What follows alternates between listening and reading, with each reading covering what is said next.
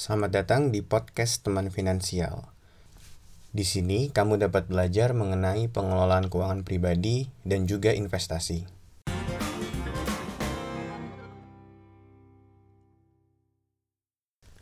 Kalau lu buka Instagram atau media sosial lainnya, mungkin salah satu topik atau konten yang sering banget muncul sekarang ini adalah mengenai investasi terus lo tertarik dan pengen memahami lebih lanjut apa sih investasi? Lo pelajarin instrumennya segala macem. Tapi sebelum lo jauh loncat sampai ke instrumen investasinya itu sendiri menurut gua ada baiknya coba lo pahami dulu apa sih sebetulnya investasi itu.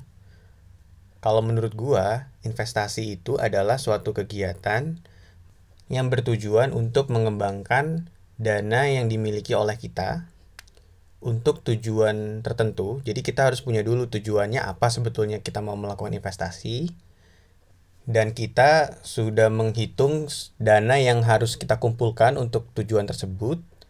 Dan juga ada jangka waktu yang jelas mengenai kapan tujuan tersebut harus kita capai. Nah, untuk mencapai tujuan yang sudah kita tentukan durasi dan jumlah dana yang harus kita kumpulkan tadi, kita mencoba untuk memanfaatkan instrumen investasi untuk mencapai tujuan tersebut pada waktu yang sudah kita tentukan. Jadi kalau lo lihat dari penjelasan ini ada beberapa kunci dari investasi. Yang pertama adalah ada tujuan investasi yang lo ingin capai.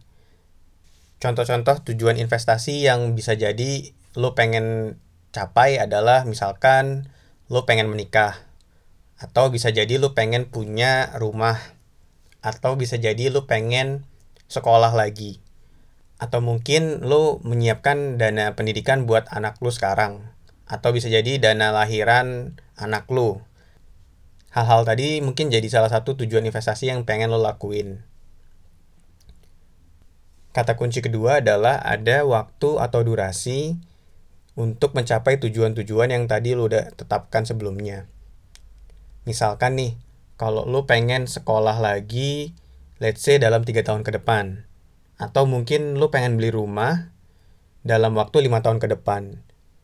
Dengan lu memberikan jangka waktu untuk tujuan investasi yang ingin lu capai, lu kemudian bisa lihat sebetulnya untuk mencapai tujuan lo tersebut dengan durasi yang sudah lo tetapin dan juga jumlah dana yang harus dikumpulkan, lo bisa kemudian pilih berapa dana yang harus lo kumpulkan setiap bulannya, dan juga bisa lo lihat lagi instrumen investasi apa yang bisa lo pilih untuk mencapai tujuan tersebut.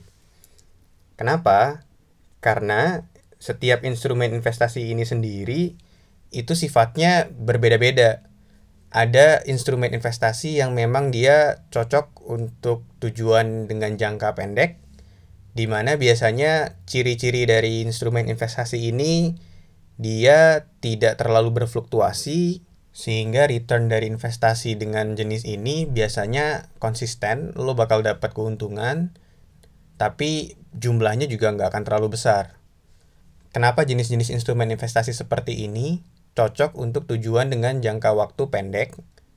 Karena kalau lo pengen mencapai suatu tujuan dengan durasi yang pendek maka dana lu nggak boleh tiba-tiba misalkan drop dalam waktu satu tahun kurang.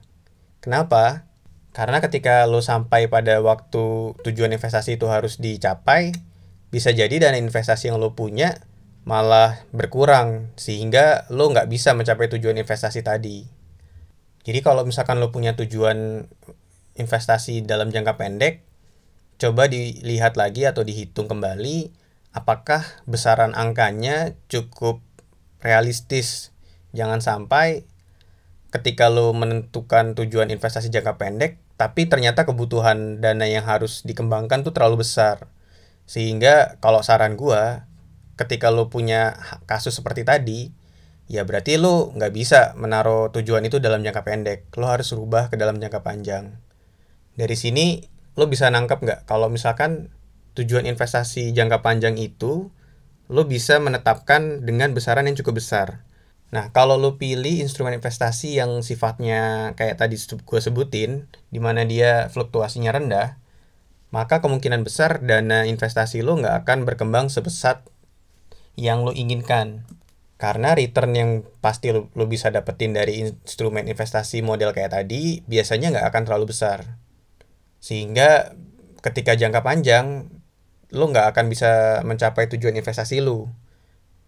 Untuk jangka panjang, lo bisa pilih instrumen investasi yang memang dia bisa memberikan return yang lebih besar, tapi return yang lebih besar ini biasanya diikuti juga dengan risiko yang juga lebih besar.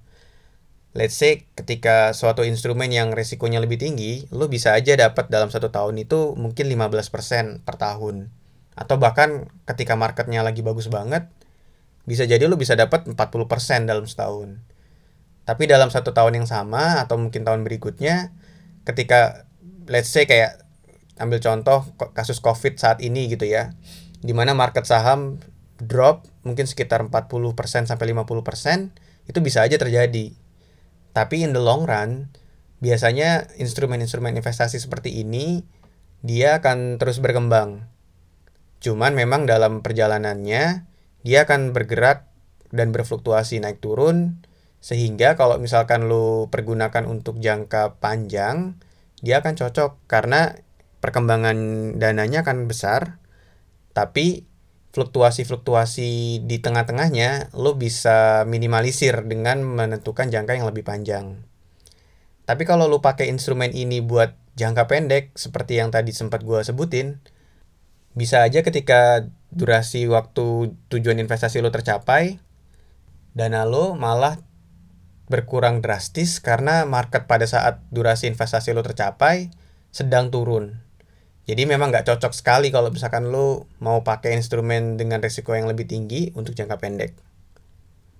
Nah, kira-kira itu salah satu basic yang menurut gue lo harus pahami sebelum lo memulai investasi. Jadi lo harus bisa tentukan dulu tujuannya apa, berapa dana yang perlu lo kumpulkan untuk mencapai tujuan tersebut, lalu lo set untuk mencapai dana tadi berapa lama yang lo butuhin. Lo harus lihat apakah durasi waktunya cukup make sense buat lo untuk mengumpulkan dana yang sudah lo set jumlahnya sebelumnya.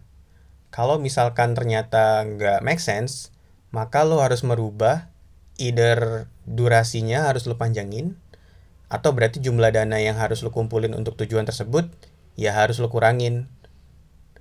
Lalu dari situ baru lo bisa menentukan instrumen investasi apa yang cocok untuk lo pilih untuk lo bisa mencapai tujuan investasi yang tadi lo tetapkan. Nah, kira-kira dari penjelasan gue ini, masih ada nggak pertanyaan-pertanyaan atau mungkin ada yang lo pengen diskusiin ke gue? Kalau iya, lo bisa follow Instagramnya teman finansial di @temanfinansial dan lo bisa drop DM ke Instagramnya teman finansial dan akan gue bales dan kita bisa berdiskusi di situ.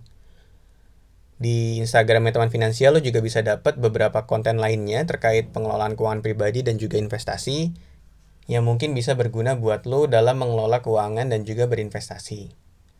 Selain itu, lo juga bisa dapetin konten dari gue lainnya dalam bentuk video melalui YouTube channelnya Teman Finansial.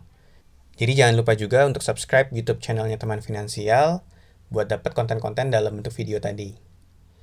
Terima kasih sudah mendengarkan podcast teman finansial pada episode ini. Sampai berjumpa pada episode-episode berikutnya.